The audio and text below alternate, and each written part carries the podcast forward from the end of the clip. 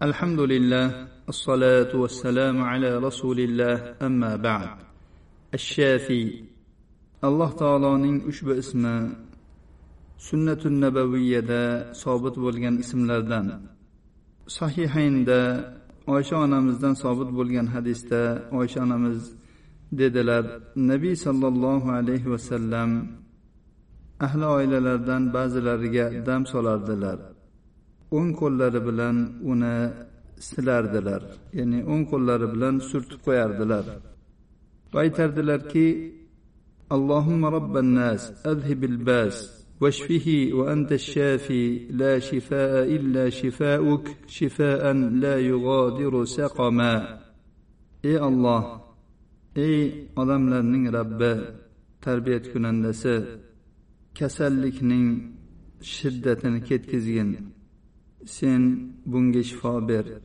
Sen shifo beruvchisan. Sening shifoingdan boshqa shifo yo'qdir. Unga ortidan kasallik qolmaydigan shifoni bergin deb aytardilar.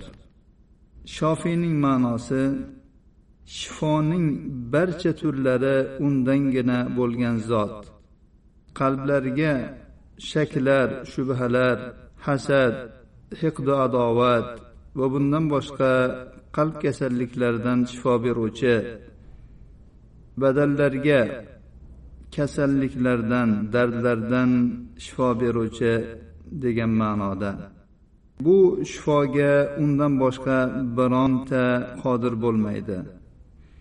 Shifo faqat uning shifosidir. Undan o'zga bironta shifo beruvchi yo'q. Ibrohimul halil ala nabiyina va alayhi alayhissalom aytganlarki va iza maridtu fahuva yashfin. Agar men kasal bo'lsam u menga shifo beradi.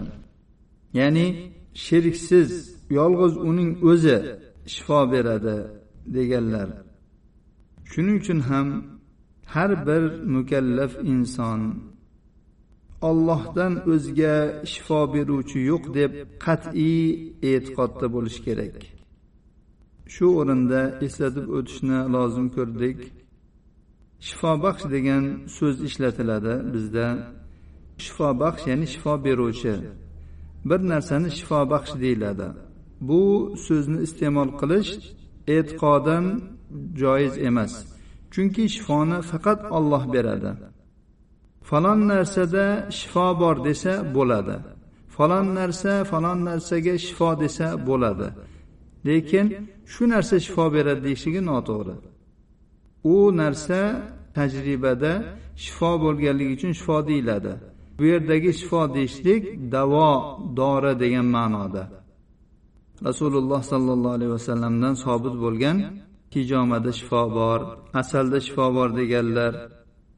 Al muhim shifo bor deyish mumkin lekin shifo baxsh ya'ni shifo beruvchi deyishlik noto'g'ri. Bir narsani iste'mol qilinsa olloh uni shifo qilsagina shifo bo'ladi. Aks holda shifo bo'lmasligi mumkin. Shuning uchun mo'min musulmon odam har bir talaffuz qilayotgan so'zlarni ham o'ylanib talaffuz qilish kerak bo'ladi. Biz aytdikki alloh taologina shifo beruvchi zot.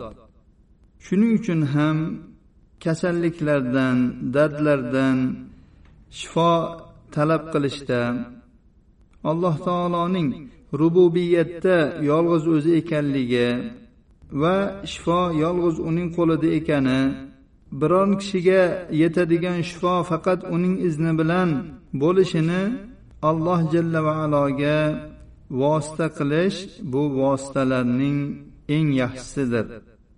Buyruq ollohniki yaratish maxluqotlar ham ollohniki barcha narsa uning tasarrufi bilan tadbiri bilan bo'ladi. Olloh xohlagan narsa bo'ladi u xohlamagan narsa bo'lmaydi. Kuch ham quvvat ham faqat alloh taolo tomonidandir. Bandaning ollohning yolg'iz o'zi shifo beruvchi shifo faqat uning qo'lida deb e'tiqod qilishi va bunga iymon keltirishi davolanish muolajani talab qilish foydali dorilarni tanovul qilish bilan nafi etadigan sabablarni qilishga moni bo'lmaydi.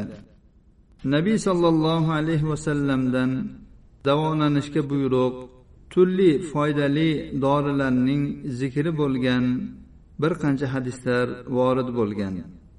Bu esa alloh taologa tavakkul qilish va shifo faqat uning qo'lida deb e'tiqod qilishga zid kelmaydi. Imom buxoriy o'z sahihlarida abu hurayra roziyallohu anhudan ushbu hadisni rivoyat qilganlar. Rasululloh sollallohu alayhi vasallam dedilar olloh biron kasallikni tushirgan bo'lsa albatta u uchun shifoni ham tushirgan.